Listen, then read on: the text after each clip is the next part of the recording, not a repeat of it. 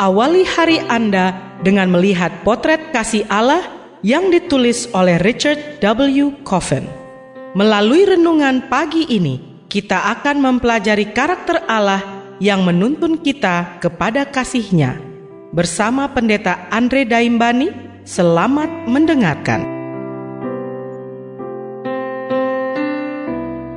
Shalom, selamat pagi saudaraku. Renungan pagi kita hari ini 15 Oktober berjudul Segalanya baik sampai akhir.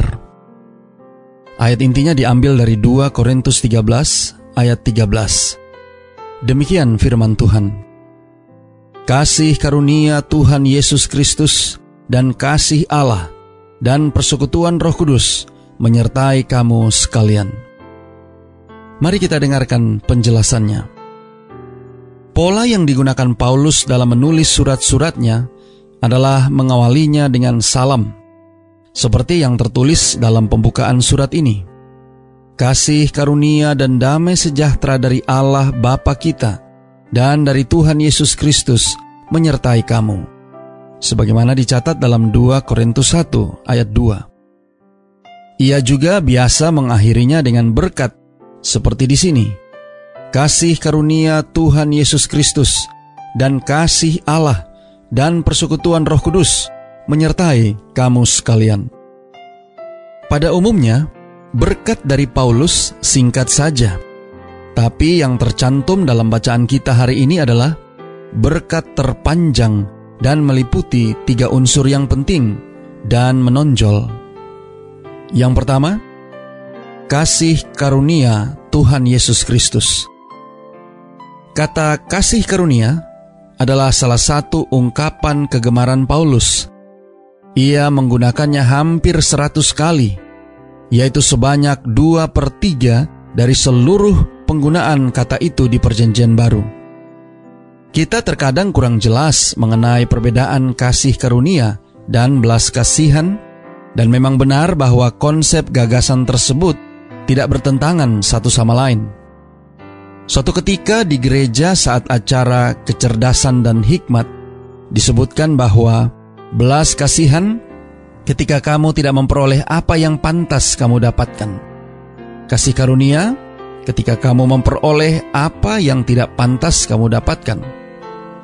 Kasih karunia digambarkan sebagai tindakan murah hati yang dicurahkan bagi kita tanpa melihat perbuatan yang kita lakukan. Paulus di sini berbicara tentang tindakan kasih karunia Yesus Kristus. Yang kedua, kasih Allah. Sebagai anak-anak, kita semua telah belajar menyanyikan lagu Yesus sayang padaku. Tapi sebagai orang dewasa, kita kadang melupakan sebuah lagu lain, kasih Allah. Kita harus mengingat bahwa Alkitab menunjukkan kasih sebagai atribut Allah yang utama. Allah adalah kasih, dan karena begitu besar kasih Allah akan dunia ini, terkadang kita tanpa sadar menganggap Allah telah marah kepada kita dan mencari kita, dan Yesus muncul, menengahi, dan menyelamatkan kita. Hal tersebut sungguh jauh dari kebenaran. Yesus tidak membuat rancangan keselamatan Allah yang melakukannya. Allah telah mengeruniakan anaknya yang tunggal dan dengan perantaraan Kristus telah mendamaikan kita dengan dirinya. Yang ketiga, persekutuan Roh Kudus.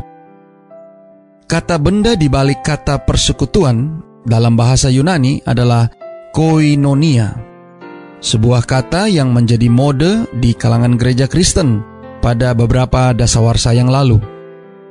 Dalam bahasa Yunani klasik, kata ini merujuk pada kerjasama bisnis. Di kemudian hari, kata ini mendapat makna hubungan yang dekat, termasuk kebersamaan yang intim dengan pasangan. Perjanjian baru berbicara tentang memiliki persekutuan dengan Allah, Kristus, dan di sini dengan Roh Kudus. Saudara-saudara yang kekasih di dalam Tuhan, Jelaslah bahwa seluruh isi sorga, terlibat bukan hanya dalam menyelamatkan kita, tetapi juga dalam memelihara keadaan tersebut.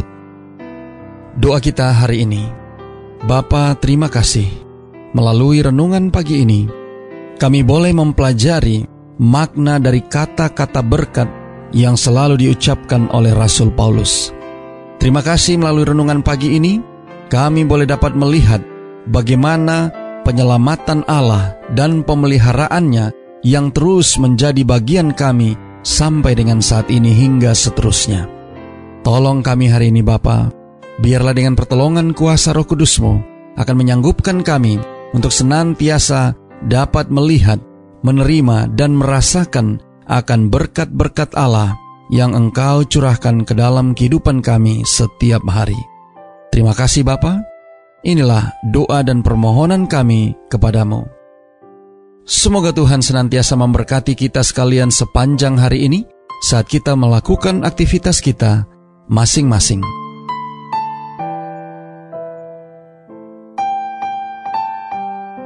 Demikianlah tadi pembahasan tentang potret kasih Allah. Semoga firman Tuhan hari ini dapat menjadi berkat bagi Anda. Sampai jumpa, Tuhan memberkati.